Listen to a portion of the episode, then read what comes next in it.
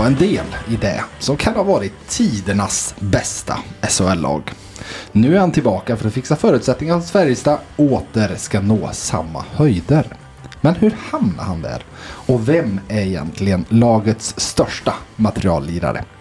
Frågor vi ska leta efter svar på idag när jag välkomnar en gästdebutant från Färjestad, Fredrik Sundin. Tack så mycket. Kul att ha dig här och eh, nu ska vi prata material och prata massa nörderier. Det känns bra va? Absolut, men det är alltid kul att få dela med sig av det, det man lärt sig genom åren. Du, vi ska börja med att ge lyssnarna koll på dig och vem du är genom anställningselvan som alla l- poddgäster får vara med om i början här. Så min första fråga är helt enkelt, hur är du som person? Jag är en ganska utåtriktad person ska jag säga. Jag tycker om att eh, prata, umgås med människor. Eh, älskar idrott. Jag har hållit på med sport hela mitt liv. Eh, både, eh, jag testat på de flesta sporter när jag var yngre. Eh, hockey, fotboll, golf, pingis, tennis lite grann. Eh, schack, minigolf. Jag har som sagt kört eh, hela racet. Så att, en kille som håll, tycker om att hålla igång. Vilka egenskaper har du som kan förbättras? Oj, hur lång eh, tid har du i podden? Nej, men det är klart att man alltid har saker att förbättra. Det är ju, man eh, försöker väl bli bättre som människa varje dag, men eh, det är klart. Jag har väl lärt mig mycket genom alla år med både som när jag har spelat ishockey och nu även har familj med tre barn i olika åldrar. Så att man får, man lär sig nya saker varje dag som man vet hur man ska handskas med. Så att, svårt att sätta fingret på exakt, men eh, säkert en hel del grejer, tänker jag. Vilken roll har du i en grupp? Eh, Jag är nog den som eh, tar tag mycket i saker tror jag, men jag är i en större grupp. Eh, Ska vi få saker fixade så försöker jag väl vara den som eh, hjälper till och är högst delaktig. Sällan jag står bakom, jag är mer framför. Hur reagerar du på kritik? Eh, jo, men jag har blivit bättre på det tycker jag genom, eh, också det, det är väl med åldern att göra. Eh, när man är... Blev vuxen på riktigt? Ja, men det känns väl som så. Man, eh, jag har ju varit i den här branschen nu i... Som jag kom till Karlstad här eh, 97 på hockeygymnasiet och eh, har lärt mig att ta hand om mycket av mig själv och ehm, sådär. Så att jag flyttade hemifrån när jag var 16 redan. Så det är klart man, ehm, man har eh, lärt sig och eh, bli vuxen tidigt och eh, som sagt att man har fått eh, både ris och ros genom sin karriär. Så att eh, jag tror att jag mm, nu är nog ganska duktig på att ta emot kritik, det tror jag. Mm. Vad är framgång för dig?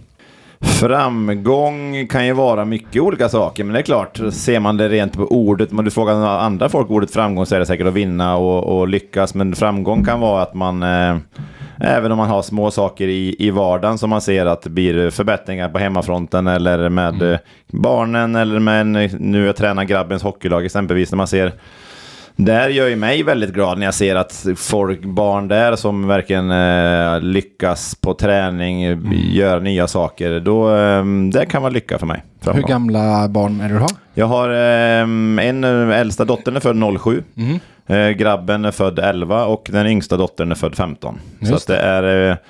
Eh, vi eh, gjorde det misstaget att vi tog fyra år emellan varje. Så vi, vi, det blev en ny barnvagn till alla tre. Blev det, och, eh, Och du har inte och- sovit på 15 år? Nej, det är ju precis.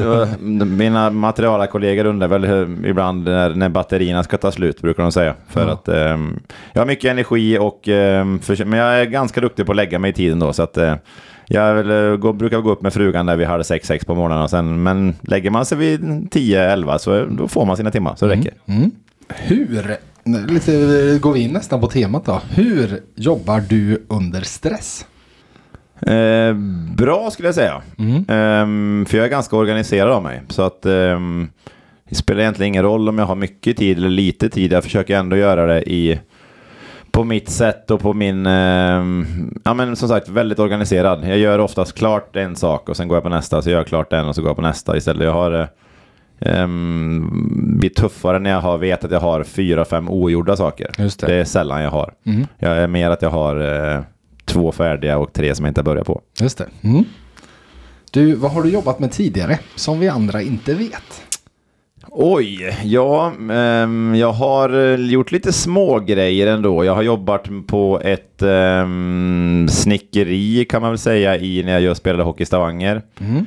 Jag har ehm, jobbat med ehm, eh, ny, nyanlända barn på en, ehm, vad ska man säga, inte en skola, men det var mer i, när jag bodde i Hudiksvall så jobbade jag på ett en sånt typ elevhem av något slag och, och tog hand om, ehm, var kvar på, bodde kvar på nätterna och tog hand om ehm, lite så ensamkommande flyktingar och Mm. sådana saker har jag gjort. Jag har ehm, Eh, varit lite på hockeygymnasiet i eh, Hudiksvall också.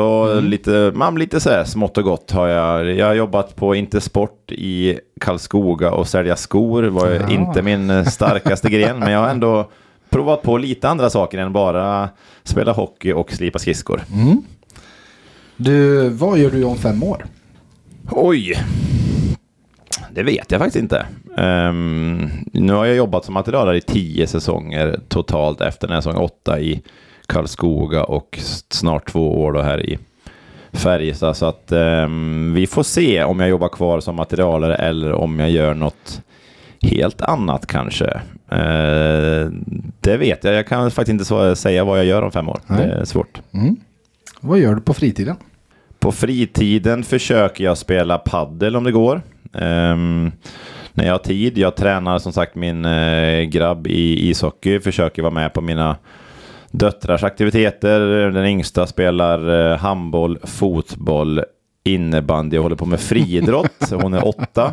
Den äldsta går fotbollsgymnasiet. Ehm, så att, eh, och, ehm, så att ja, det är ju extremt mycket sport skulle jag säga. Ja. Eh, Vi har en... Det eh, låter ju som att helgerna är ganska uppbokade. Helgerna är uppbokade, veckorna är uppbokade. Frugan tycker också om att spela paddel så att ehm, vi eh, försöker spela eh, när det passar oss. Mm. Eh, gör vi. Kan ni spela ihop eller? Eh, Ja, det har vi väl gjort någon och några gånger, men det blir, det blir mest bråk.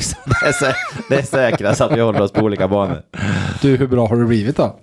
Ehm, Nu det- testar vi ödmjukheten Ja, men här. ödmjukheten är väl att ingen som slår mig i laget i alla fall. Ja, men det är fint. Det är så fint. att, ehm, och jag vill i, i någon... eh, Är, är, får jag säga, är det nu när Daniel Wiksten har lämnat eller slog du även Daniel? Jag har mött Daniel i olika konstellationer, eh, några gånger i alla fall, och det har väl varit... ehm, eh, man skulle säga att det har varit absolut jämna matcher. Han har vunnit någon, jag har vunnit någon tror jag. Så att vi eh, ligger ungefär på hans, i hans nivå ska jag säga. Mm, då- och han är ju väldigt duktig. Så att, ja, eh, men då har vi förstått. Då, då är, vi du, då, är, du, då är du duktig. Mm. Ja, tack. Du, eh, och med att det här är en, en anställningsintervju då, så är ju frågan given. Vad har du för löneanspråk? Eh, ja, man vill väl alltid ha mer. Så kan man väl säga. Så att, eh, nej, men det är väl ingenting jag eh, vill, prata om så. Men eh, som sagt, mycket vill ha mer. Men alltså som materialare och så vidare. Har ni liksom en... Mm, ni har ju väldigt mycket obekväm arbetstid och så vidare. Är sånt inbakat i det eller liksom en del i... Eh, är det någonting man får köpa med jobbet? Är att man jobbar kvällar och helger? Ja, men så är det väl. Det är klart att vi... Eh, det, man säger väl det, har man väl sagt, att material, att vara material är mer en livsstil såklart. Och det är klart, man, man gör ju allting för grabbarna. Vi är, på, vi är med på träningar, vi är med på matcher. Så att det är klart... Den blir att man kommer hem sena nätter från vissa bortamatcher och även hemmamatcher blir det ofta sent. Så att, eh, men samtidigt, det är någonting jag tycker är fantastiskt kul att göra. Så att, eh, vi, sen har vi mycket eh, frihet under ansvar eh, maj, juni, juli. Så att typ den bästa tiden på året och frugan jobbar som lärare så vi har ju Ja. mycket så då ledigt och det värderar jag kanske mer än vad jag värderar pengar. Mhm. Du, till sist då. Vad kan du tillföra den här podden? Mm, Jag är duktig att prata så att jag tänker att det är, ju, det är väl någonting som är fördelaktigt om man är med i en podd tänker jag. Så det kommer nog sällan vara tyst i podden, så det kan vi väl väl säga. Det Så. hoppas vi. Det hoppas vi. Nu är den här. Kia EV9 är en helt elektrifierad SUV med ultrasnabb laddning, oslagbar komfort upp till sju sittplatser och en räckvidd på upp till 505 kilometer. Kia EV9 öppnar en värld av möjligheter. Kia, movement that inspires. Vafa bil, din bilaffär och A-bilar i Arvika. Du var inne på det. Du flyttar hemifrån för Avesta är hem va? Ja, Avesta är det jag är uppvuxen ja. Stämmer. Men var det till hockeygymnasiet du kom till Karlstad eller var det till och med innan? Nej, men det var till hockeygymnasiet. Mm. Som sagt, jag flyttade hit när jag i juni, juli där eh, 97 när jag hade fyllt 16. Jag fyllde 4 juni, så det var precis när jag hade fyllt 16. Det är ju inte eh, det absolut närmsta. Var kunde du ha hamnat? Eh, Jag hade väl förfrågningar både från eh, Leksand, eh, Västerås och även, även Modo. Mm. Så att, ehm, Varför Färjestad då? nej men först och främst Leksand hade jag ju mött så mycket som, som Mm, yngre spelare när jag spelade i Avesta med. eh, Så det var väl en rivalitet som låg kvar där. Och Det är lite som alla Grumskillarna som har, alla Andersén och så vidare och så vidare som har, har lämnat till andra ställen för Färjestad var för mycket rival nästan. Ja, men så kan det väl vara kanske. Och sen, ehm, klart, det var häftigt. Eh, en kväll när jag satt hemma i, i soffan så eh, ringde det på telefon och eh, farsan svarade och sa att det var Håkan Loob som ringde. Så det är ju klart att... Eh, De, och- de spelar ut det kortet ja. Ja, de körde det kortet. Så att, eh, nej, men det var ju klart, det var ju intressant. Så var jag hit och kolla. Jag var uppe även till Leksand och kolla och till Örnsköldsvik och kolla. Men eh, kändes att eh, Färjestad kändes rätt just då. Mm. Så att, eh, och jag ångrar inte det idag. Nej, du hade ju fina, fina år och fick ju sen, blev utlånad till Bofors, eller hur? Stämmer? Vi kan väl börja med att och prata om det väldigt speciella laget du var i. Jag, satt och tittade på truppen här igår. Eh, och vi har ju du då som är materialare i SHL. Jajamän. Mm. Sen har vi en som har blivit eh, klubbdirektör i Allsvenskan. Vi har en som är domare i Allsvenskan och på väg upp i SHL. Vi har en som är assisterande tränare i Allsvenskan. Eh, En som är ungdomsansvarig i en SHL-klubb. Vi har två assisterande tränare i SHL och en förbundskapten bland lagkamraterna. Ja. Herregud vad ni har klamrat er fast vid hockeyn. Ja, men det har vi gjort. Eh, Det är klart. Eh, Så att det är ju det är väldigt häftigt eh, att det är... Men det är ju en speciell bubbla man är i när man är inom ishockeyn. Man, eh, man träffar mycket folk, man, och det är ju oftast lätt att man blir kvar för att det är en, en fantastiskt härlig miljö att vara i. Den är Oftast rak, ärlig och eh, man har högt i tak och kan prata om det mesta, skoja om det mesta. Så att det är ju, mm, jag tror att det är få eh, arbetsplatser skulle jag säga som har det så, så bra som man har det i eh, ett hockeyomklädningsrum. Så att jag tror, eller i en hockeyklubb överhuvudtaget. Så att jag tror det är därför att det är många, många som blir kvar.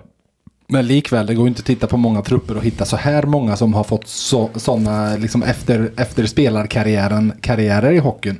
Det, det fostrades ledare i det där omklädningsrummet. Ja, men det kändes som det när du läste upp alla, Ja, alla förstår där. du vilka alla är eller? Eh, ja, men... eh, Klubbdirektör är ju Torsten Yngvesson och så sen domare är ju Daniel, Daniel Westner, Westner. såklart. Assisterande tränare i Allsvenskan är ju nu Telander. Telander, ja precis. Ungdomsansvarig i SHL-klubb är ju Kalle Sten. Ja, nere i Växjö precis, har ju den ja, rollen. precis, och det har han. Tränare i både Termell och Näslund. Näslund, och ja. sen den där Och sen förbundskaptenen. Sam Hallam som Ja. jag spelade med, fick eh, spela med. Så att, Ja. eh, nej, men det var ju, det är ju mm, häftiga namn du läser upp såklart. Det är ju många som har gjort jättemycket för, för svensk ishockey. Så det är ju, mm, ja men, eh, kanske lite unikt att det är en, i, alla de har spelat i samma lag. Mm. Såklart, häftigt. Såg du en blivande förbundskapten i Sam Hallam? Eh, ja, men om, nu, om man tänker sig, vi brukar skoja det, men det var ju jag och Sam och eh, Per Bäcker som spelade i en line då i eh, Bofors. Och då, eh, jag och Per hade väl ganska fria roller, men Sam eh, var ju två år äldre än mig och tre år yngre än Per, då, så han tog väl lite, blev väl lite papparoll för oss. Vi, han var väl alltid den som var tredje kille hem och eh, Eh, vi, vi skojade väl någon gång och sa att Sam Hallan var Sveriges bästa två mot en-spelare utan puck.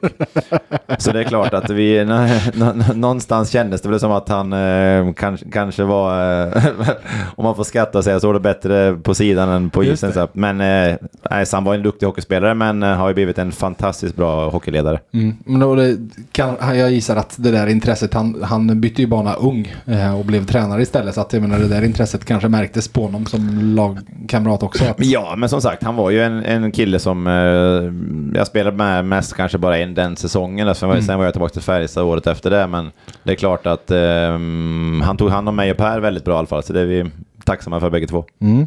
Du, sista junioråret i Färjestad, då hade du gjort 19 mål i 20-serien. Och det är ju bra.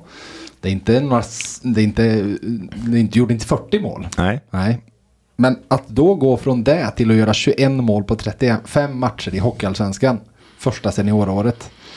Det är, det är inte många som tar det klivet på det sättet. Nej, det är klart. Det är ju starka papper givetvis. Men eh, det var ju, vi fick bra förtroende. Vi hade, det jag minns mest egentligen från den säsongen var att vi hade ju extremt bra go på träning. Och det, var ju, det tävlades ju varje dag på, på träning.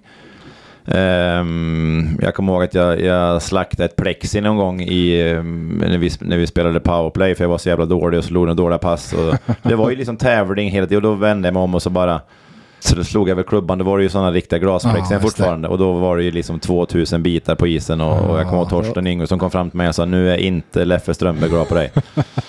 Men sen Det var väl så- slut på den träningen då? Ja, men det du blev väl lite så. De fick ju Ja. spola om och liksom ut med skrapor och grejer. Så det är klart. Men det var ju, det var ju så. Det var ju hela tiden var det ju tävla, tävla, tävla. Det var ju Termell, Näslund och en som heter Robert Medin i, i en line. Så var det Torsten och Björn Eriksson och någon till i, i andra linen. Så var det jag och Becker och Sam i tredje. Så hade vi en till fjärdeline som var duktig också. Så det är klart, det var ju liksom, det var ju hela tiden var det ju nästan fight på träning och det tror jag, det, det gjorde mycket att eh, Bofors lyckades den säsongen, det tror jag. Mm.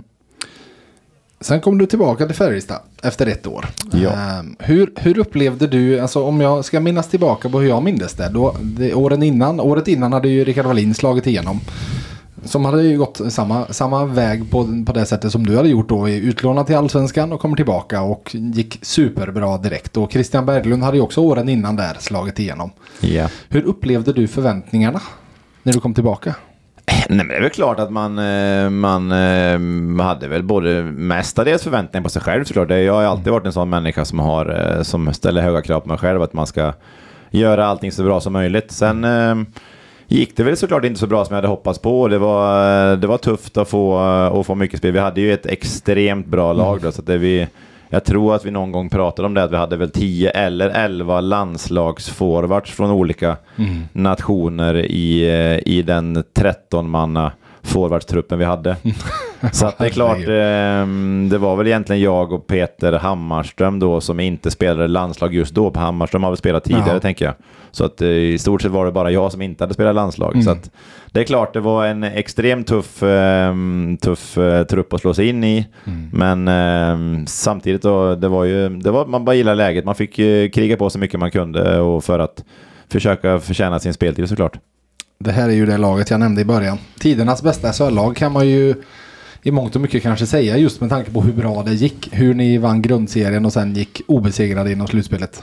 Ja, det är klart. Det var ju en eh, unik resa för vi, då blev vi ändå av med Uffe Söderström i, Exakt. var det sista matchen, eller någon av de sista matcherna i... då säga att Uffe Söderström hade ju vunnit poängligan. Ja, SHL. precis. Jag tänkte säga, han vann ju även poängligan det året, så det är klart, vi blev av med våran poäng, mesta poänggörare i eh, sista grundseriespelsmatchen tror jag. Och sen går vi in och vinner tio raka slutspelsmatcher. För då, då på den tiden som jag kommer ihåg i alla fall så var det ju bäst av sju i kvartsfinal och Just det. bäst av fem i semi och final. Ja. Varför man hade så var ju helt ologiskt egentligen, men så Ja. var det tror jag. Ja, men nu ska vi se. 02 kan det ha varit att det var OS eller? Ja, jag vet- nej, jag vet inte heller vad- ja, det var ju OS då. Det var, kan det ha varit det då kanske? Att Ja. säsongen, de behövde krympa det för att hinna med på något sätt. På något sätt. Eh, Men det hade spara. varit mer logiskt att spela bäst av sju i finalen, tänker jag. Men eh, då, så var det. Så vi slog i Brynäs med 4-0, HV med 3-0 och Modo med 3-0. Så att... Och Gerber hade väl någon sån här, ex, någon sån här sjuka 1,3 eller 1,4 insläppta mål och liksom så att... Nej, det var ju... Det var ju ett lag utan svagheter. Ja, det kan man väl och säga. Vi hade eh, extremt stark backsida, extremt stark målvaktssida och eh, extremt stark forwardsida. Så det är klart, det var ju... Men ändå, ändå starkt att vinna tio raka matcher. Det är ju, vi slog väl, det var några Sadden-segrar där har jag för mig i semi och finalen. Sen, sen var det rent hus, så att det var ju mäktigt såklart. Det var första året med nya, med Löfbergs Lila Arena. Så att, eh, Utsålt varenda match och så vidare. det var ju 8250 sägs det ju varje Mm. match för grundserie och i, i slutspel. Så att, unikt. Ja, det, det får man väl säga. Det här är väl också precis i brytpunkten när man gick från tre till fyra kedjor. Ja, det var ju lite det, precis. Vi, vi spelade ju oftast på, på fyra kedjor, så det var väl... Men jag fick ju, man fick ju spela oftast med ett par, två perioder och sen kanske vi gick ner och coachade lite Just mer det. på, på, mot slutet och spelade på 3-5. Då hade man ju svårt att få, få speltid. Så att, eh, man var oftast med och krigade åtminstone ett par perioder. Mm. Vad minns du av, av eh, guldfirandet? Ja, vad minns jag att vi... Men jag, jag stod... Man, ja, det är klart, torget minns man givetvis. eh, Och själva efter matchen, jag har några bilder där kommer jag ihåg när man... Man står och åker ut och firar med hjälmen och vingar. Såklart, det är ju, det är ju, det är ju häftigt såklart. Det är, ju- Man var ju ung kille då så att...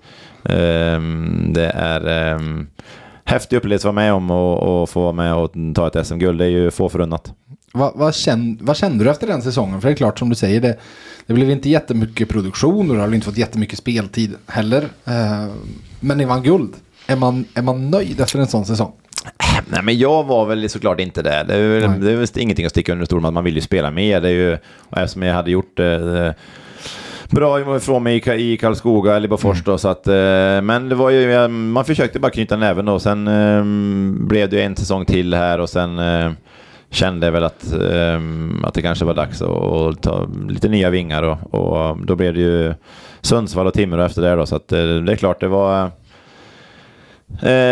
det var väl en tuff tid men mentalt tänker jag för man var ung kille, man eh, hade, man hade varit eh, duktig för, i ungdomsåren och junioråren och sen Karlskoga eller Bofors där och sen eh, tog det lite stopp där klart i Färjestad. Det är klart, det var ju en, eh, en tuff tid mentalt och man, men man fick bara som sagt fick knyta näven och, och, och kriga vidare för att, för att eh, se om man kunde göra bättre någon annanstans. Mm. Vad minns av Timrååren? De två det blev? Ehm, ja, vad jag minns att vi åkte ur mot Färjestad i semifinal första året. Det var, För det var ju, det var ju ett bra Timrå du kom till. Ja, men det var det ju absolut. Det var- Det var ett eh, väldigt starkt homogent lag var det. Och sen, eh, det jag kommer ihåg från semifinalen var väl första, eller om det var tredje matchen. När vi spelade hemma, då får är det sadden och alla Färjestadspelarna byter. Jag kommer in på plan, får ett friläge med Wallinheim och drar pucken, lyfter upp den. Den träffar hans klubbskaft. Ah. Går ut i hörnet 15 sekunder senare kontra Färjestad och gör mål. Så det var ju... Det har du aldrig tänkt på sen dess? Nej, inte alls Nej, va? nej, det är nej. klart. Den, den segern hade vi behövt. Ja. Så kan jag säga för att ha någon chans. Jag vet, jag kommer inte ihåg om det blev 4-1 i matcher eller Mm. vad det blev. Någonting sånt där. Så att, eh, hade vi fått den så hade vi kanske kunnat varit med och stört dem. Men eh, som sagt, det gäller att ha stolpe in ibland och Mm. eh, stolpe ut ibland. Så eh, då, för min del var det ju verkligen stolpe ut. Mm. Du, sista Timrååret, då var du med och spelade kval med Skellefteå, eller hur? Som utlånad där på slutet. Ja, men precis. Det var ju lockout-säsongen var det ju. Ehm, då klart, Mm. Det var kom må- ju... många unga spelares karriärer som gick i stå lite då, eller hur? Ja, men det är väl klart. Då kom ju eh, alla superstjärnorna från NHL och från... eh, Henrik Zetterberg, han skulle ha en plats eller? Ja, han var ju svår att peta bort kan man väl säga. Han och Modin kom ju hem. Niklas Nordgren kom hem från Schweiz. Ja. Så hade vi någon annan kanadensare där, men Kent Mendeville hette han väl, var någon forward. Och sen hade, men det var ju också det, det var ju sjukt häftigt så man fick ju spela med, världs, Ja. med världsstjärnor och mot världsstjärnor. Liksom få, få Timrå Modo med Peter Forsberg. Liksom, det var ju, Och bröderna Sedin i andra kedjan. Ja, det var ju, du vet, det var ju, det var ju som att spela nästan i NHL själv. Ja. Så att det är Ja. klart, det var ju häftigt. Och, nej, men det, som är, det som är kul när man tänker tillbaka på sådana här saker var ju att även om vi hade, som vi hade Mika Kiprosov i mål, vi hade alla de där som sagt superstjärnorna som men det är också vanliga människor. Man fick ju lära känna dem och liksom och hänga med dem på, till vardags. Det är klart, det var ju, det är ju också, också få förunnat att ha fått hängt med världens bästa hockeyspelare en, säs- en, ja, en halv säsong blev det för min del då. Så att, och sen drog, tog jag mitt pick och pack och satt mig på kustbussen och åkte från Sundsvall till Skellefteå och spelade där i, från januari någon gång i, och var med på Skellefteå. Var nära att ta steget upp i SHL redan då. Och du gjorde det året efter tror jag. Ja, eller något, precis, året efter eller något år efter precis gjorde de det. Så att eh, det var... Vi hade alltid i egna händer, kommer jag ihåg då också. Det var sjukt att vi inte löste det. Vi hade väl, skulle behövt ta fyra poäng på fyra matcher för att gå upp, men någon sorts kollaps blev det tyvärr. Jag blev förvånad minns jag då när du sen stack till Norge. För det, det hade kanske inte varit mest logiska och mest vanliga karriärsvalet. Eh, hur, hur gick tankarna? Tankarna gick väl så här att jag satt i min lägenhet i Sundsvall i augusti och inte hade något, någonstans att spela. Ja, okej. Så ehm, då var det faktiskt, jag tror att det var min nuvarande fru som sa, hade hört att Gunnar Johansson tränar ju Stavanger Eh, och han hade ju varit här i Färjestad då när jag var i juniorerna så jag var väl uppe och tränade någon gång med, med A-laget under juniortiden. Ehm, så han hade jag väl inte kände men jag visste väl absolut vem han var. Och eh, så jag tog väl en telefon till han, har jag för mig, en fredag eftermiddag och eh, det slutar med att söndag kväll eh, är jag i Stavanger Ehm, samma vecka. Oj. Och där eh, tänkte man, det här blir väl en säsong då, tänkte man ju. Och Det, gick jätte- blev du inte. det blev jag ju inte. Det var ju, eh, det blev, eh, den första säsongen gick jättebra. Vi gick till, vi gick till final och sen blev jag kvar i sex säsonger totalt i Stavanger. Och eh, två av mina barn är födda där då på Stavanger det. sjukhus. Så att, Mm. det är ju kanske inte det man trodde när man lämnade Sundsvall 05 Nej, nej. på hösten. Var det till och med, alltså det, vi har ju haft några svenskar som har stannat i Norge väldigt länge och gjort mycket poäng och blivit norrmän och landslagsspelare. Var det något sånt snack någon gång eller? Ja, men lite grann var det att man kanske skulle, att man skulle bli till norsk eh, medborgare, men eh, ingenting som kom längre än till snack tror jag. Det var okej. inte, blev, eh, det blev inte aktuellt, det blev det inte. Men eh, som sagt, sex fantastiska år i Stavanger, en helt fantastisk stad Mm. att vara i. Eh, jättebra klubb. Um, vi hade tufft, det vi sa i final första året, sen var det tre år det var det var lite knapert med framgång. Vi CM ett år, sen var det två år som vi åkte ur i kvartsfinal tror jag. Sen kom den säsongen 09-10 då när vi Fick var mästare. Ja, precis. Var nederlagstippade, gick, v- v- kom väl fyra, femma i, i grundserien Aha. tror jag. Och sen eh, gick vi som raketer i slutspelet och lyckades eh, bryta östdominansen. Mm, just det. Eh, det var ju mest Storhammar, Våränga och Frisk Aske som hade vunnit. eh, Mm.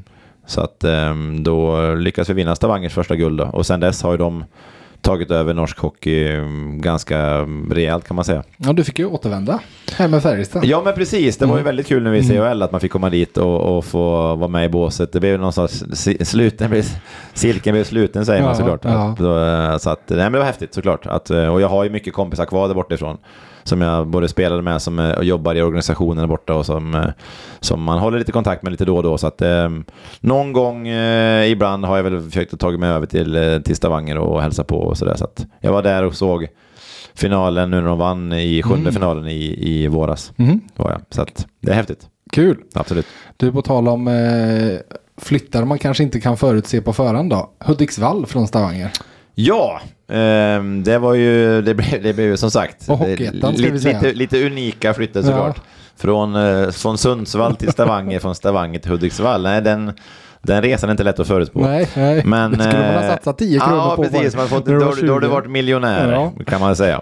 Nej, men eh, det är klart, det var ju... ehm, så här att jag inte fick vara kvar i Stavanger då efter um, det sjätte året där och ehm, då ehm, hade jag en kompis som heter Magnus Nilsson som jag spelade med i, i Timrå Mhm.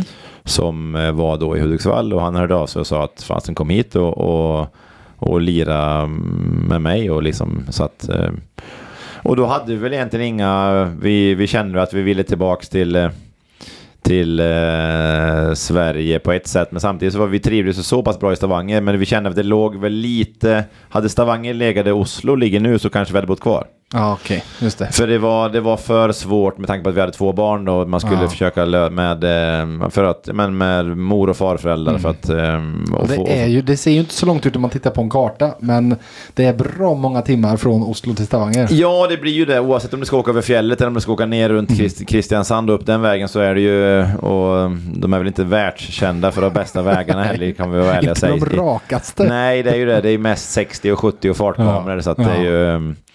Det tog, jag kommer ihåg när vi bilade hem från Stavanger en gång till Karlstad, det tog i alla fall 15 timmar. Ja. Så vi fick ju, vi fick ju åka, vi hade då när, när barnen var små så de fick sova på natten, så vi åkte väl vid 9, halv 10 från, eh, från Stavanger på kvällen och kom väl fram runt lunch då Ja. till Karlstad. Så det är klart, det är ju... Men eh, man får se mycket. Det är, det, är Ja. väldigt, det är väldigt trevligt där borta på så sätt. Med, med, du har allting. Du har både hav och eh, berg inom eh, en timme. Så det är lite häftigt då. Du var ung när du slutade. Ja, jag fick Varför? lägga av den precis. Ja, men jag fick ju... Jag spelade en säsong i, i Hudik då, då säsongen eh, 10. Eh,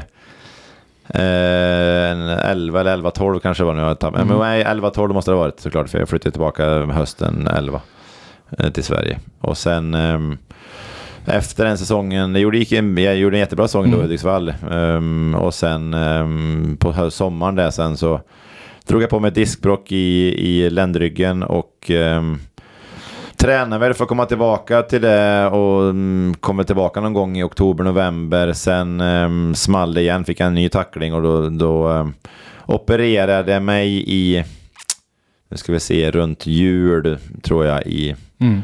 Och därefter så hade jag väl en, eh, en lång rehab och försökte väl även komma tillbaka säsongen efter det. Men fick en ny smäll och då sa väl läkarna att eh, ska du ha någon, någon chans att ha någon, någon vettigt liv efter, ehm, efter eh, hockeyn så så fick jag väl eh, tyvärr lägga skridskorna på hyllan. Jag hade väl kanske tänkt och gjort det ändå någon gång där i, i den vevan i Hudik. Men samtidigt var det tråkigt att någon annan sa till mig när jag skulle sluta och jag inte fick det själv. Han räddade din paddelkarriär i alla fall. Ja, det tackar jag för än idag. Att jag kan nu springa runt och spela paddel istället. Det, är ju, det kanske jag inte hade gjort då. Hur hamnade du sen i Bofors? För det var inte långt därifrån när du var materialare i Bofors i Allsvenskan. Nej men precis, jag, mm, det var väl så att ehm, jag hade varit i Hudik i tre säsonger, jobbade lite på hockeygymnasiet och så där och även assisterande på A-laget. Sen eh, tog jag kontakt med eh, Torsten Yngvesson som var, jobbade i Karlskoga. Eh, och ehm, vi pratade ju jag spelade med han även i Stavanger. Sen efter han var ju i Stavanger det, en säsong. Var han. Så vi, ehm, och ehm, på så sätt så ehm, sa väl han att det finns ett jobb på J18 sa han eh, som eh, huvudtränare. Och det tyckte jag lät intressant så vi eh, hade lite kontakt om det och sen i samma veva så hoppade Micke Andersson av som var materialare då på A-laget i, i eh, Vik. hoppade av och då frågade vi Torsten, vill du ta det istället?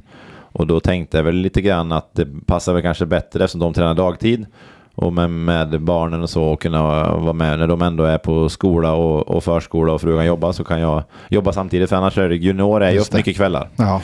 Kvällar eh, sent och då kan man vara hemma då med, eh, med familjen. Mm. Så att eh, på då, det sättet tog jag BIKs A-lag som materialförvaltare och även jobbade på hockeygymnasiet. Just det. Så att, eh, och där blev jag kvar i åtta säsonger då. på tal om att man ska göra saker kort. Ja, exakt. Du, vi ska grotta ner oss i en massa materialfrågor. För det finns det så det räcker att bli över. Men innan vi gör det så måste jag säga. Det hörs att du bott i Norge. För du säger på A-laget. Ja, precis. Jobba på. Ja, precis. Inte På. i och inte Nej, i. Ja. Inte Nej, precis. i eller Nej. för. Nej, eller... precis. Mm, nej, på, Ja, på, laget. På, på laget, ja precis. på laget. väldigt Mm. flink. Exakt. Innan vi ska fortsätta med att snacka vidare så är det dags för mig att återlämna ordet till Karlstads största hockeyälskare, Christer på ICA Maxi Bergvik. Spetsa öronen riktigt noga så kommer här nästa ledtråd i vinterns stora lyssnartävling. Hej! Christer med personal här. Vi på Maxi Karlstad älskar hockey. Och kunderna förstås. Här kommer veckans ledtråd som är nummer 10 i ordningen. Och häng med nu, för den är kort. Gick från blåvit-röd kapten till att bli vit arbetshäst. Lycka till med veckans ledtråd så hörs vi i nästa avsnitt av VF Hockey. Googla lugnt.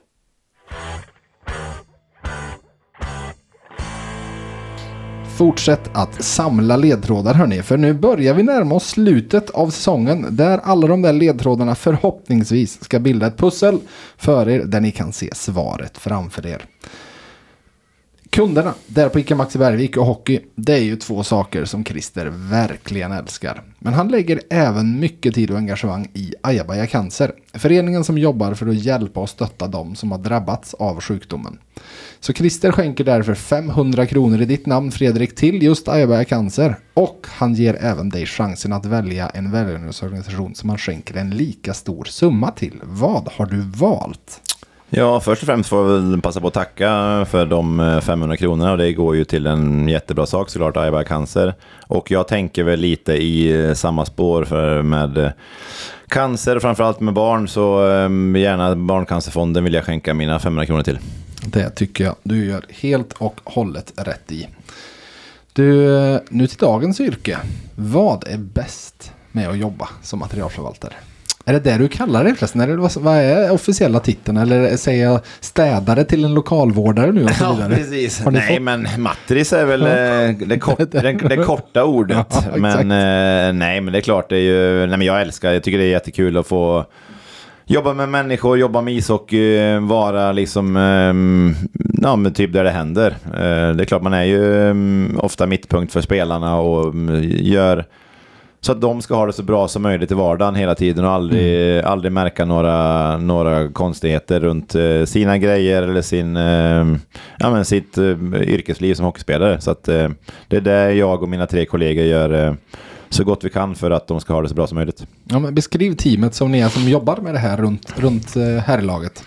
Nej men eh, det är jag eh, och Arto Mentimäki och Jocke Andersson och eh, Anton Arvidsson som jobbar Tuppen kallad. Eh, och jag kallas för Sudden och sen Arto och, och Jocke då. Så att det är ju, vi är ett eh, bra team. Jag skulle säga att eh, jag och Arto är väl de som kanske är som jag sa förut, hur jag är mest, men vi försöker vara organiserade och, och så. Och sen eh, Jocke är ju, har ju extremt många bollar på sin, eh, ly, eller ja precis, strängar på sin lyra, bollar i på luften. bollar i luften. Ja, strängar men på så lyra. är det ju precis. Inte, inte bollar på Bollar på lyra. sin lyra, det lyra. Det hade varit en jävla ny grej.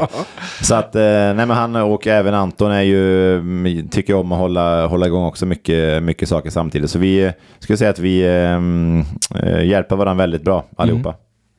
Ja, för det var, med Jocke blev ju en lite ny tjänst som han fick. Det var väl när du kom in där. där Ja, men han, han eh, är väl inte i båset på samma sätt Nej, som han, han var är inte, förr. det är väl någon gång ibland som han är, men han har ju mycket, mycket runt omkring med det, med det administrativa och eh, med beställningar och, och sköter mycket för ungdomssektioner och så också nu, så att eh, han gör ett jättebra jobb där. Mm. Beskriv hur en arbetsdag ser ut för er. En eh, arbetsdag, egentligen spelar det ingen roll om du är på, på A-lag eller på junior som jag också är i, ibland. Så det är ju, man är där någon gång mellan, eh, säg halv åtta, åtta. Och sen eh, är det ju om du, exempelvis det jag gör oftast är om jag är på A-lag, eh, fyller vattenflaskor och sånt i träning, lägger fram tröjor, damasker, kollar så att eh, alla har eh, det de behöver ha till för att gå ut på träning. Och sen eh, Jag tycker jag om att sitta med i båset på, under träning och, och kolla träningar och um, vara med där om det behöver vara behjälplig, om det behövs byta stål eller fyllas på med grejer där ute. Och sen är det ju, um, kommer det här som du sker varje dag, det ska slipas efteråt, det ska tvättas um, tröjor, damasker, underställ, handdukar, eh, det ska vikas, det ska göras ordning, det ska Ehm, ja, plockas ordning och sätta snyggt och prydligt så att man kommer nästa dag och inte känner att det är någon, eh, som sagt, någon panik. Jag, eh, som sagt, på, på, ta- förberett. på tal om organiserad så vill jag gärna att man kan komma på morgonen och sätta sig och, och ta en kaffe och snacka lite skit innan eh, dagen börjar. Det mm, värdesätter jag mycket. För att allt annat är klart. Ja, precis. Mm. Resemässigt när ni är ute och åker. Flygplan eller buss, vad är enklast slash krångligast för er? Eh, då är ju, ehm, ja, det är ju egentligen inget, jag tycker inte att det är krångligt något, men det är klart att det är, det är ju, om man jämför eh, att packa, det är enklare att vi packar bussen än att vi ska packa en minibuss, köra ut till flygplatsen, stå där, vänta på eh, och sen packa in ett flyg. Såklart. Men eh, jag föredrar ju hellre att flyga upp till Luleå än att åka buss upp till Luleå. Så att, Du eh, står gärna där och packar lite jag packar tusen gånger om om det skulle vara så att få flyga upp till Luleå istället för att åka buss. Har jag, buss har jag åkt med Karlskoga tillräckligt. Eh, Vi har varit x antal gånger uppe i Umeå och Örnsköldsvik och nere i Skåne. Så att det mm, gör jag hellre flyget än bussen. Men i Norge måste det ha varit mycket flyg, eller hur? Vi flög till alla bortamatcher när Ja. jag var i Stavanger. Då var det ju, för de flesta lagen var ju på östsidan. Ja. Vi flög till Oslo och sen var det match, så åkte vi buss därifrån en kort bit och sen var det alltid sista flyget hem, typ 23.30 gick ju Just det. regionala flyget från, eh, till, från Oslo till Stavanger. Det var inga chartrade flyg där. Det hade Nej, blivit det hade vi inte. Eh, jag kommer ihåg en gång ehm, eh, chefen, när vi hade spelat så dåligt, då, då sa chefen, vi hade Storhammar borta vet jag i en på en tv-match en tisdag eller torsdag, så då åkte vi klockan tre på natten, skulle vi åka buss kom han på. Så då åkte vi tre på natten, vi kom fram någon gång på eftermiddagen till Hamar, eh, käkade där, spelade match klockan åtta på kvällen, förlorade 7-1. Åkte buss hem igen, kom tillbaka vid lunch.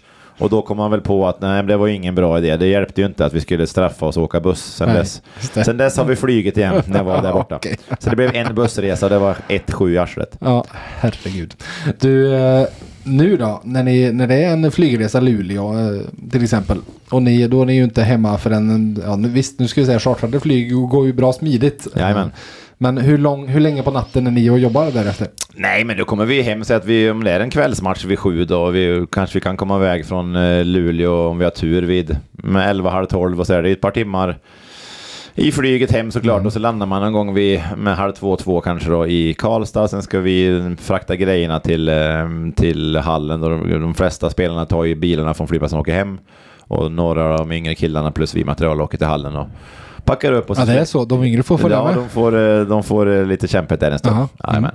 Och sen, sen får vi, slänger vi lite tvätt bara och sen drar vi hem. Och sen, Ja, men det är att- inte så att ni stannar där och Nej, hänger det är ingen idé för Nej. vi är ju så pass, alltså nu är, att vi är, säg att det är jag och Anton eller jag och Arto som åker upp på en match eller de två som åker så är det ju den tredje av oss då som oftast kommer på morgonen Just efteråt och, och, och tar hand, börjar ta hand om så de andra får sova ut lite. Ja.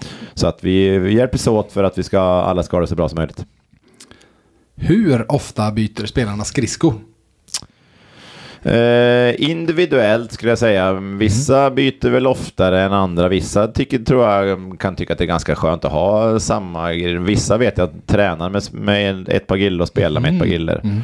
Och sen såklart, här finns det möjligheten att byta mer än vad det gjorde kanske när jag var i Karlskoga. Men det är rent ekonomiskt såklart. Då Så att, hade eh, du ditt par. då. Ja, men de, hade, de fick, det jag fick Två igenom, par. två par Ja. fick ju alla. Och då, då försökte jag få in att alla körde in bägge de två på försäsongen och sen Ja. spelade man med ett par och tränade med ett par. Just det. För då, då kunde du ju ha, hade du i alla fall alltid fräscha matchskridskor. Ja. Ehm, sen eh, vet jag att alla lyssnade inte på det heller utan de spelade med ett par en viss fram till en viss tid och sen var det, Mm. var det kom de hade andra paret någon gång runt jul och sen när det blev slutspel så ville de ändå ha ett nytt par. Mm. Då fick man förklara då att kanske tänka på nä till nästa år det jag, det jag förklarade för dig i april Ja, eller i april ja, eller i augusti. Mm. Så att eh, nej men här finns det klart mycket större möjligheter att byta Mm. med tanke på att det finns eh, en stabilare ekonomi. Mm. Men eh, ja men det är som sagt väldigt individuellt ska jag säga hur, hur ofta de byter. Utrustningen som de har idag då? Hur mycket har hänt sedan du själv var aktiv? Va, hur, hur ser eh, utvecklingen ut på utrustningsområdet? Nej men det är klart att det har blivit, eh, det har blivit bättre grejer såklart. Så är det ju, det är ingenting att snacka om. Det är ju det är eh, bättre kvalitet på allting med byxor och hjälmar och, och sådana saker som, som skyddar de viktigaste delarna av kroppen och axelskydd och armskydd och allting sånt. Benskydd. såklart. det är ju mm, det, utvecklingen går framåt. Ingenting att snacka om det. Även om jag är, jag kan vara ärlig och säga, jag är inte lika bra som mina tre kollegor på att ve- veta vad, vad, vad de nyaste grejerna heter och hur de funkar. Det kan jag vara helt ärlig, det är jag absolut sämst i gänget på. Just det. Eh, Men eh, jag har mina andra fördelar som materialare än att... eh, än, jag, jag brukar säga så låt, låt grabbarna sköta det de, det de vill ha på sig. De får, de får beställa så, får, så skickar vår leverantör CCM ut grejerna så, Mm. så löser det sig. Har du ett företag och vill nå ut genom våra poddar? Lägg till poddannonsering i din mediemix för att skapa ännu större effekt. Kontakta oss på mediepartner.nvtmedia.se. Vad är det dyraste? Vet du det? Ja men dyrast det måste ju vara skridskorna tänker jag. Ja. Ja, eller om du jämför med målvaktsgrejerna Ja, ju, där. där. ligger ju en, en uppsättning på en målvakt ligger väl, nu, inte ska jag inte vara helt men... Men mellan för- tummen och Ja pekfingret. men runt 100 000 i alla fall för Ja, en just uppsättning. Men tänker benskydd, plockstöt, mask, eh, Mm. skridskor, byxor. Eh, någonstans där ligger det ju, tänker jag. Eh, så det är klart, det kostar ju mycket pengar. Och sen, men spelarskridskorna är ju väldigt dyra. Så nu Ja, Vad du ju, kostar de på ett ungefär nu? Ja men det är ju någonstans 10 plus Ja. är det ju såklart. Och sen ehm, såklart mycket, och sen ja, men den största posten blir klubbor sen givetvis. Ja. För det är ju, varje klubba ligger ju på 2 2000 plus och sen är det ju X antal klubbor per Mm. spelare. Många gör, eh, vissa gör många klubbor, vissa gör mindre klubbor. Utan att nämna namn och utan att Jo, nämna antal. måste vi. Ja, precis. Jag förstod att- vilka att- är att det den som, skulle komma. vilka är det som där går flest klubbor? Det behöver inte vara att man slår av dem. Utan det är klart vissa har en spelstil som gör att fler klubbor ryker. Jo, men så är det ju. Det är klart. Ehm, Jag hörde någon, någon siffra på På Nygren här um, före jul, någonstans 25-27 klubbor fram till jul. Och då vet jag att han är ju ingen sån som ställer undan klubbor om det är så att det, han tycker att det är ett spöke i klubban. Han, just eh, han eh, har ju skjutit av många klubbor vet jag. Ja. Som har gått rakt av. Och då, klart, då kan man ju inte trolla och, och sätta Nej. ihop dem igen. Så då, då lär man ju byta. Ja. Såklart. Så att eh, där har vi ju en som gör mycket klubbor i alla fall. Mm. Det kan vi väl. Och han skjuter ju mycket och skjuter hårt. Så att... Eh, Vem, det, vem eh, byter minst då? Är det någon som typ aldrig? ja, men ehm, en som jag skulle säga gör lite klubbor som jag vet har lite klubbor i sitt ställ i alla fall är ju Nygård. Jaha, okej. Mm. Ehm, sen kan jag inte säga att han, att han, eh, nej, men han skulle jag säga gör, gör lite klubbor eh, för att spela så mycket som han gör. Um, nu kanske jag är helt fel, men det är bara min spontana Mm, mm. känsla att han gör ehm, Du ska inte behöva ta gift på de här uppgifterna. Nej, jag utan- förstår det. Men jag, det, det är någonting jag skulle säga att han, eh, han i alla fall lite klubbor i sitt ställ om man jämför med många andra. Just det. Mm. Om vi nu är inne på klubbor och jag säger flex, kan du förklara då för lyssnarna vad det handlar om? Men flex är ju hur, eh, hur som det låter, hur, lä, hur lätt det är att flexa en klubba. Alltså när, man, när man använder, man skjuter nu för tiden så använder man ju flexen i klubban för att få en sorts rekyl då. Och att få iväg pucken eh, snabbare. För det skjuts ju väldigt lite slagskott om man tänker nu för tiden jämfört med vad det gjorde för Det är Magnus Nygren Ja, men det är ju 25 han som, som eh, är kvar i den och som gör det jävligt bra ska Ja. sägas då. Ehm, Men eh, nu är det mycket direktskott eh, från, från snabb release som man säger när- pucken ska iväg snabbt. Och då, då använder man ju flexen i klubban. Man ser, om man, ser mycket på från när det, blir, när det tar foton på, klubb, på folk som skjuter, då ser man att klubban är som en pilbåge nästan. Och det är klart att eh, ju hårdare, ju högre flex du har, då, ju, ju styvare är klubban. Och, eh, och då måste man vara lite starkare såklart för att eh, få den där eh, böjen på klubban. Så att det är ju, ja, det är, vi har väl någonstans från, från 70-75 på de som har lägst upp till Nygren som kör väl 100-105 flex på sina. Just det. Så det är klart, det är, det är det spannet det ligger där mellan, mellan 70-75 upp till 105. Vad skulle hända om Magnus Nygren spelar med en 70-klubba? Då skulle vi nog ha han på 50, 60, 70 klubbor vid jul skulle jag gissa på. okej, så. Det varje, en ny varje Ja, men lite, lite så. Det är ungefär som att han skulle spela med en, eh, en tändsticka, skulle jag säga. just det. Mm. Typ. Jag vet att, och det här pratade jag tidigare om i podden, eh, jag hörde en eh, nordamerikansk podd där det var om spelare som använder hårdare flex i början på säsongen. Och ju längre säsongen går så använder de en mjukare klubba för att kroppen blir, eh, man blir sliten under säsongen. Att du är inte riktigt lika stark i mars som du var i augusti och så vidare.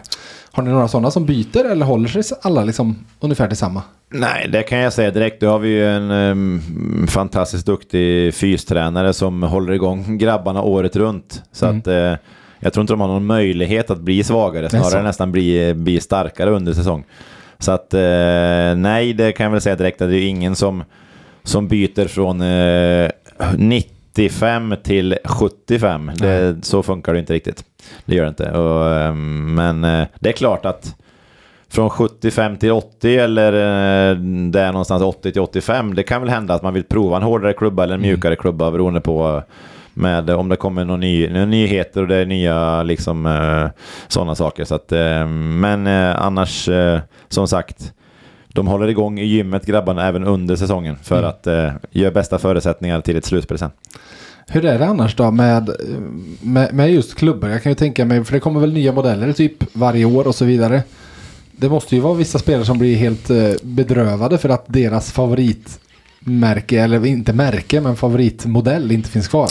Jo, såklart att det kan väl vara så. Sen eh, tror jag att de är eh, Jocke som sköter mest av det där. Han är ju så pass duktig på det där och har ju så pass bra dialog med Abber då, som han heter på CCM. Att de eh, vet han att det är någon kille som är extremt eh, noga med sina grejer och sina klubbor så kanske man gör en större beställning om man ser att det är på väg att ta slut och den går, Ah, ur, okej. går ur tiden som man säger så kanske man gör en så att det även räcker säsongen efter eller och sen är det ju mycket, det är, det är mycket design som ändras istället Ja. för själva konstruktionen finns ju oftast kvar.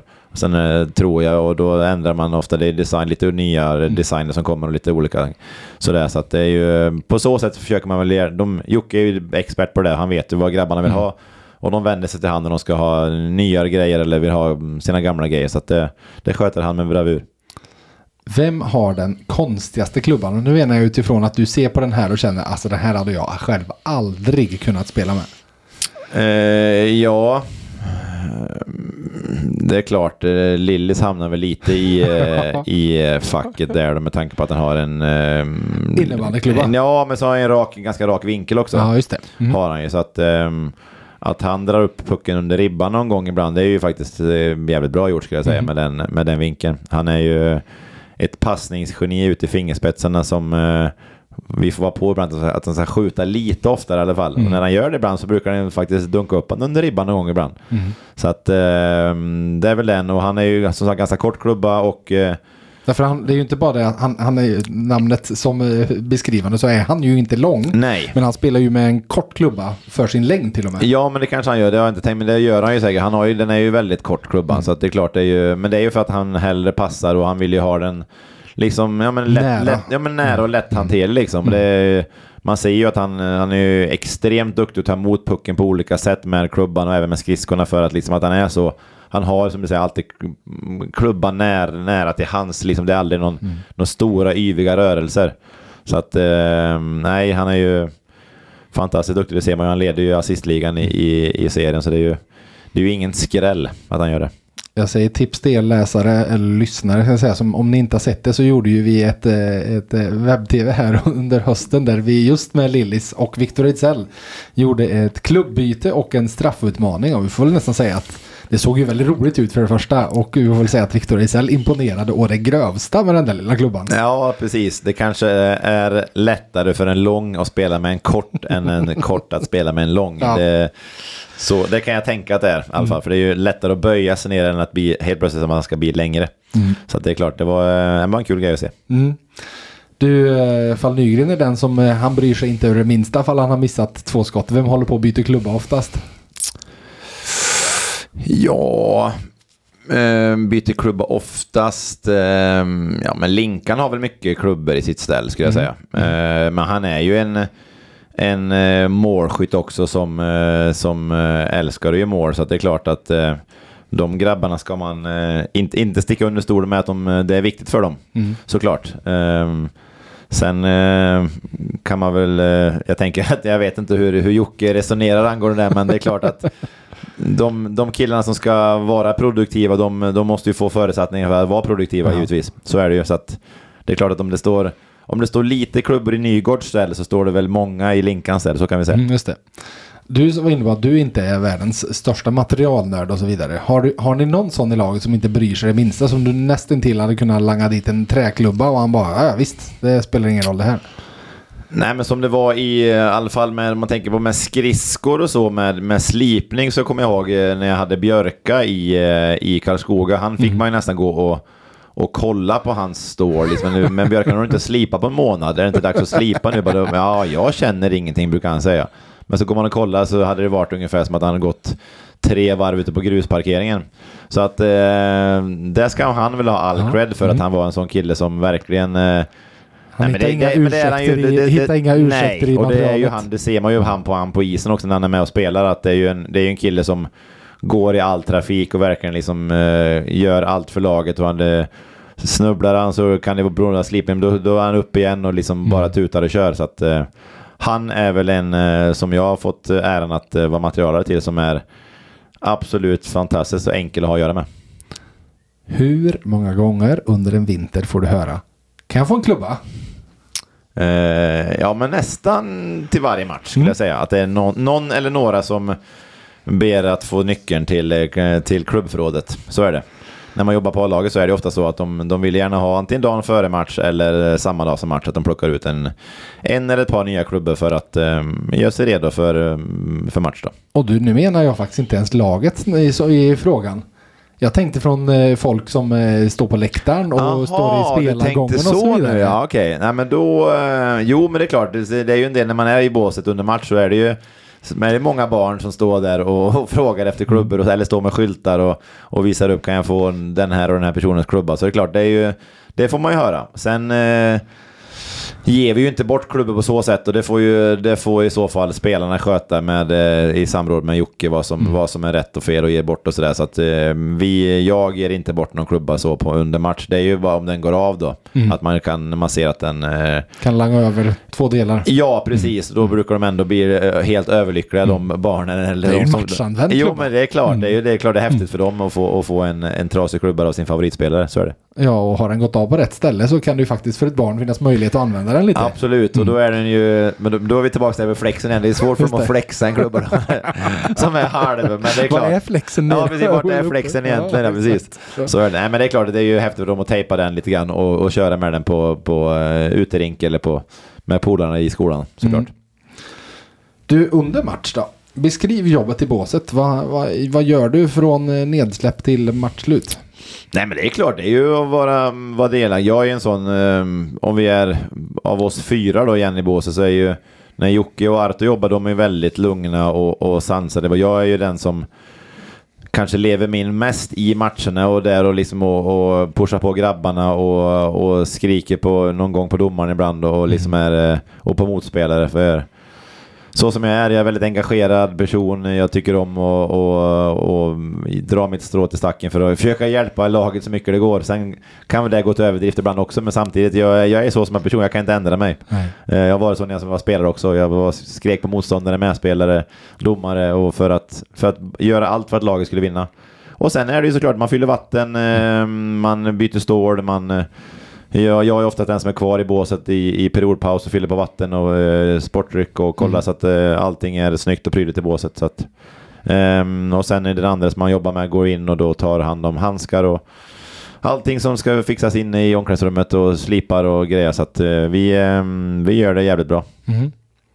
Hur kan du psyka dem då? Motståndarna? Ja men det är klart, man, det går ju alltid. Det, det, finns, det finns alltid någon som har någon öm punkt man kan trycka på. Ja, det. Någon har man väl inte spelat mot men man har varit liksom, man har sett och man vet. Du har eh, spelat med deras, mot deras pappa? Ja men ungefär, Mm, så, så känns det ibland. Men, eh, nej, men några killar vet man eh, vart man ska trycka på någon öm punkt lite ibland. Och sen klart vara med och pusha, men det jag gör mest är att pusha på grabbarna i bås Mm. såklart och, och eh, ge, ge dem positiv feedback när de kommer in och liksom och pusha på dem. Så det är ju det, är det man försöker göra. Såg du det här klippet som blev viralt när det var NHL-hockey i Stockholm nu och Torontos materialare? Jag stod Han stod med... med, eh, fingrarna på eh, den spelaren som hade pucken. Ja, det är sjukt imponerande. Ja. Det är, då, är vi, då är vi på nörderi deluxe skulle jag säga. Det är, man, eh, vi är ju med, vi har ju alltid en som står vid klubborna. Och det är klart, eh, eh, på tekning är man ju alltid med och håller i, håller i klubban som den personen som tekar.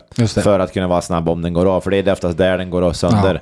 Sen hinner man ju oftast, om du ser att det med, skjuter ett slagskott från blålinjen eller vad det nu att det är en situation framför mål så hinner du ändå se och det, grabbarna skriker ju också, alla är ju så liksom på hela tiden så man skriker, ja men då skriker jag men Eh, vi säger Limpans klubba gick av, men då vet man ju 59 så plockar man den och så står man redo när han kommer till båset. Om man vill ha en ny klubba eller man åker och byter. Så det är klart, det finns ju, det finns, man är ju, den som står vid klubben är ju hela tiden med för att, men vi kan vara ärliga säga att vi är inte som Torontos materialer. där, där är vi inte riktigt än. Nej, exakt. Det ska väl vara en skillnad mellan NHL och SHL, eller hur? Ja, det är De väl, kanske har ännu fler materialare också, så det är hans det- enda uppgift. Kanske, jo, men några, någon till i alla fall. Men vi Ja. är ju ett, eh, vi är ju ett väldigt starkt team i Färjestad med som sagt ehm, vi jobbar både på A-lag och junior, vi tar hand om eh, damer, vi tar hand om lite U16. Så vi är, ju, vi är ju där och vi fyra som är där, vi hjälper ju på många punkter också. Så att ehm, det är ja, men bra, väldigt bra. Mm. När vi är inne på klubbor som går av. Nu ska jag testa en tes på dig som jag tänker på ganska ofta. Jag, säger, jag har aldrig spelat hockey. Jag har tittat på extremt mycket hockey men jag har inte spelat. Är, det finns ju en, eh, en eh, inte en, en, inte en machokult ska jag inte säga, men en, eh, det finns ju en, en, en syn inom hockeyn kanske som har framförallt funnits förr. Att man ger sig inte, man kämpar till sista blodsdroppen och så vidare. Ja. Jag tycker att spelare generellt, när klubban går av, stannar för länge istället för att åka och byta. Att de sekunderna det tar att åka till båset, speciellt om du är på planhalvan där du har ditt bås, Ja. att det skulle vara mer värt oftare att faktiskt bara sticka till båset när klubban går av. Sticka direkt, låta någon annan hoppa in eller få en klubba och komma tillbaka. Än att försöka åka runt och försvara utan klubba. Jag förstår eh, vad du tänker på. Det, som, det jag tror blir, det blir någon sorts, ehm, vad ska man säga, instinkt att försvara is- istället för att lämna. Det är ju, Ja, men vad, vad det- är det man det- säger i uttrycket? Eh, Fly, fly eller fäkta? Ja, men Ja, precis. exakt. Mm, Då mm. tror jag hellre att man stannar kvar och fäktar med det man har. Mm. Än att man, för jag tror det skulle, upp, det skulle ses som att om, om du sticker, om du spelar i egen zon och din klubba går av och du är, säg att du är ytterforward och du ska vara vid din back. Mm. Du kan ju alltid vara, om den backen får pucken, som om motståndaren är smart och spelar över pucken på den backen, så är, kan du alltid vara i vägen med kroppen. Eh, och jag tror att man, skulle den personen lämna då i 4, 5, 6 sekunder, som det tar kanske åka max till Båstad, sen kanske om man säger 10 sekunder så är du tillbaka. I, och det, de är så skickliga tror jag också i, i dagens hockey att de kan liksom utnyttja dig, spela 5 mot 4 den tiden och liksom skapa en målchans som kan vara farlig för att jag tror att du är, man, därför stannar man kvar och hjälper laget så mycket det går istället för att lämna. Det är min tes, jag skulle, som jag skulle säga, att eh, man, eh, man på tal som du sa igen, kämpa till sista blodsdroppen. Man slänger sig och täcker skott eller man är i vägen, man kan hålla i någon annans klubba eller ja, på något sätt göra det för jävligt för motståndarna med det lilla man har. Jag tror att den där eh, tesen som det då bygger på, att det som sagt, du ska stanna, du ska inte lämna. Att den bygger mer på, för så här har vi gjort, det är så här man gör i hockey. Man lämnar inte sina lagkamrater än på att det är verkligen det effektivaste. Speciellt när man ser NHL-hockey. Precis. Så då är det väldigt tydligt hur de där, okej nu vet de, de ställer om, nu spelar vi fem mot fyra. Mm. Och vi ska se till att pucken kommer vid den, gärna en passning, att den som, som inte har klubba, att där vill du få skottet till sist. Ja.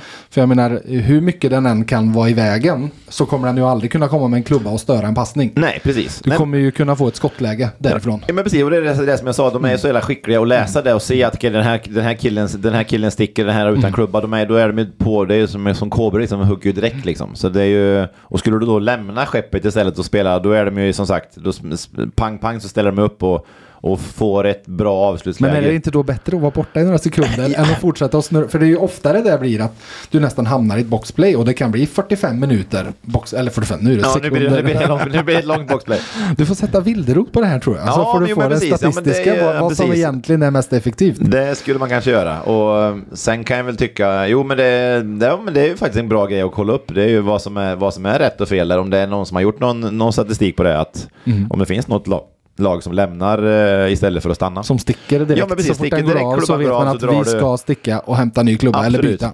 Och det är lika, det, det jag har tänkt på i den där grejen är väl mer om du tappar klubban. Mm, just det. Och ta upp den ja. Ja, Mm, det, har jag också. faktiskt. Men det har jag tänkt på mer tror jag än om klubban går av i ett försvarsspel. Det, då är det mer på att om klubban, om du tappar klubban i ett försvarsspel i hörnet exempelvis. Då kan jag tycka att det är för många som, som åker och spelar utan klubban när klubban är hel. Mm, just det. Mm. Ehm, då skulle jag hellre se att man kanske snabbt och två, för då, då, då ligger klubban inom en sekund skulle jag säga, eller två mm, sekunder. Då är du tillbaka på din position på fyra sekunder. Och lämnar du och åker över hela plan för att få en ny klubba eller någon hoppar in, då är det som kanske vi snackar tio sekunder. Och det är, Då har du ändå, där skulle jag hellre kanske se att, de, att folk kanske plockar upp klubban snabbare och bara kopplar om att nu tar jag upp klubban och sen får de lösa det på två sekunder. Sen är jag tillbaka. Men du vet ju varför de inte gör det. Ja, det, det, Det är ju det här, det är det, samma. det är ju detsamma. Ty, Ja. tyvärr är det ju så. Så då har du tappat markeringen och så Ja, och sen man- är det är skit för skickliga och så Ja. smäller det och så får du... Det, jag tror också det är att man, man är rädd för att få skiten om du förstår vad jag menar. Man... ehm, vad fan gjorde du sådär för? Du skulle ha stannat kvar och bara hållit din position så hade det varit lugnt. Ehm, ja, det... Jag har ett resonemang med Wilderot nästa gång han listar podden ja, här men och precis. igenom det här faktiskt. får vi nog gå igenom han, är. så att han får... eh, Så ska han berätta för oss vad som är rätt och fel. Mm, exakt, ja men det, det, det är spännande för det, det är klart det finns många saker. Man, man gör det för att man alltid har gjort det. Ja. Det är så här man eh, spelar hockey. Så är det ju precis. Och man, eh, man, gör ju, man gör ju allting för laget. Ja. Så att eh, man tänker väl att det här är ju det bästa och då, då låter jag min klubba ligga och sen försöka spela med fötterna eller spela, täcka med kroppen eller Mm. göra det mest jävligt motståndaren.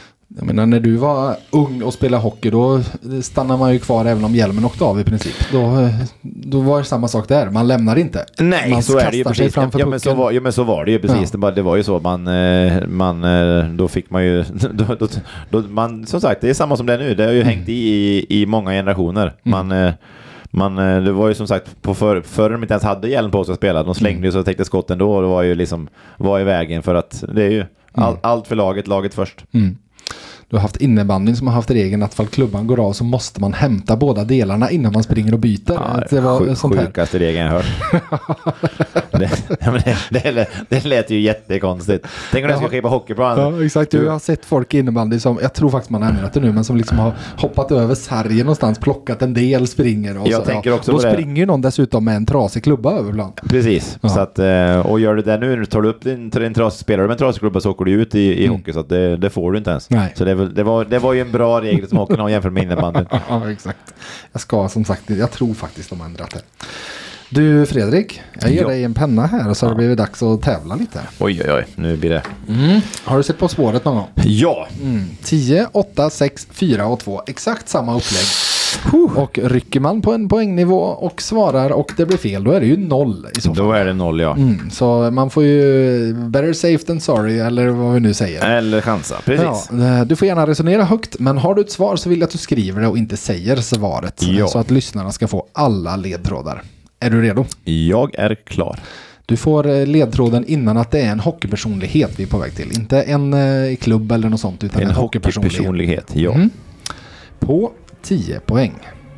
Jason Spezza, Ilja Kovalchuk, Danny Heatley och Fredrik Sundin var alla spelare som just personen jag söker hade bakom sig då han tog hem poängligasegern.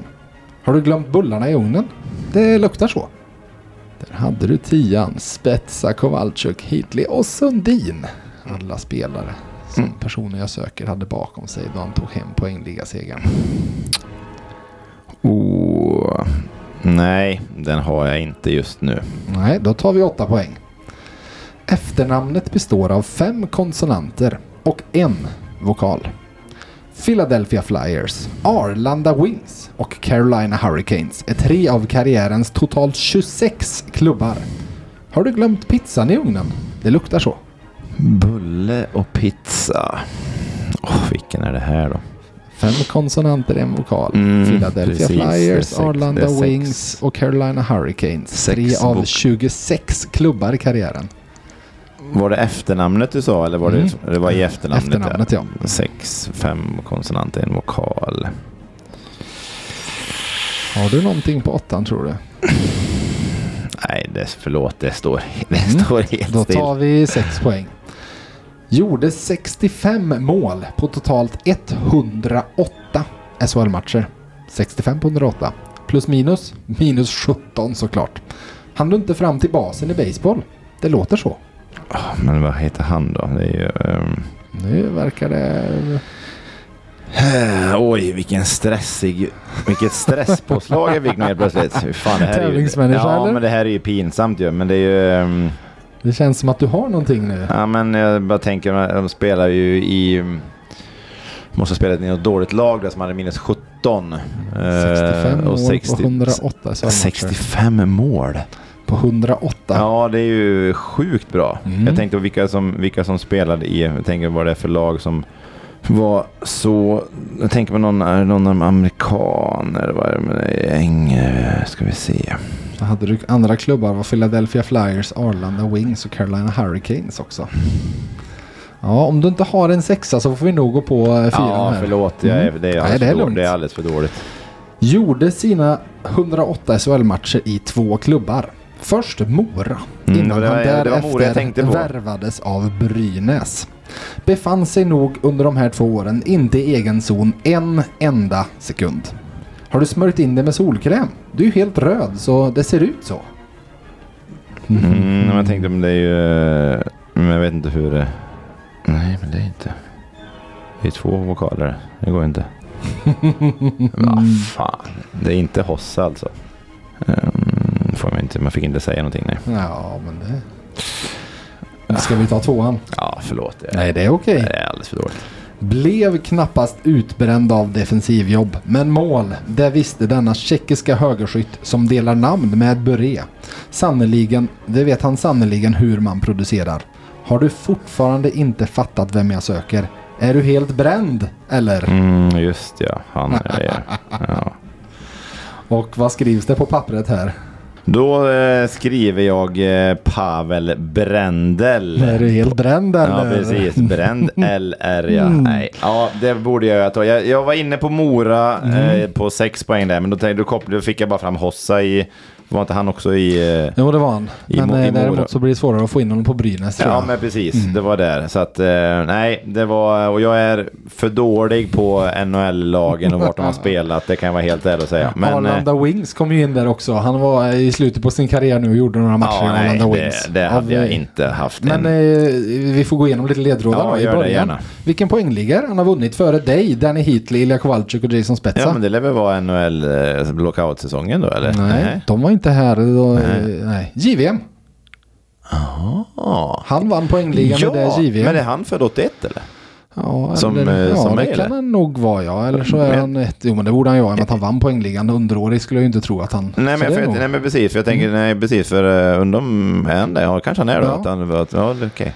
Eh, och så sen, eh, det kommer ju en massa. Har du glömt bullarna i ugnen? Glömt pizzan i ugnen? Han du inte fram till basen? Eller är du helt eh, röd för du har Ja, inte det- sol? Är du helt bränd? Ja, det- ja, det, ja, Det var en väldig Ja, massa det- eh, ordvitsar ja, med det, ja, bränd men det, ja, nej, nej, hade, Det hade luktar bränt och så vidare. En massa sånt. Och sen som sagt, vi eh, 26 klubbar. Det är ju man ju inte förvånad att Pavel Brendel hade i sin Nej, karriär. ja, precis, det kan man tänka. Det var många som tänkte, ja men han ger oss mål så vi får köpa det andra. Ja, sen det efter brukar vara ett så. år så må- Målskyttarna är oftast de, de folk söker.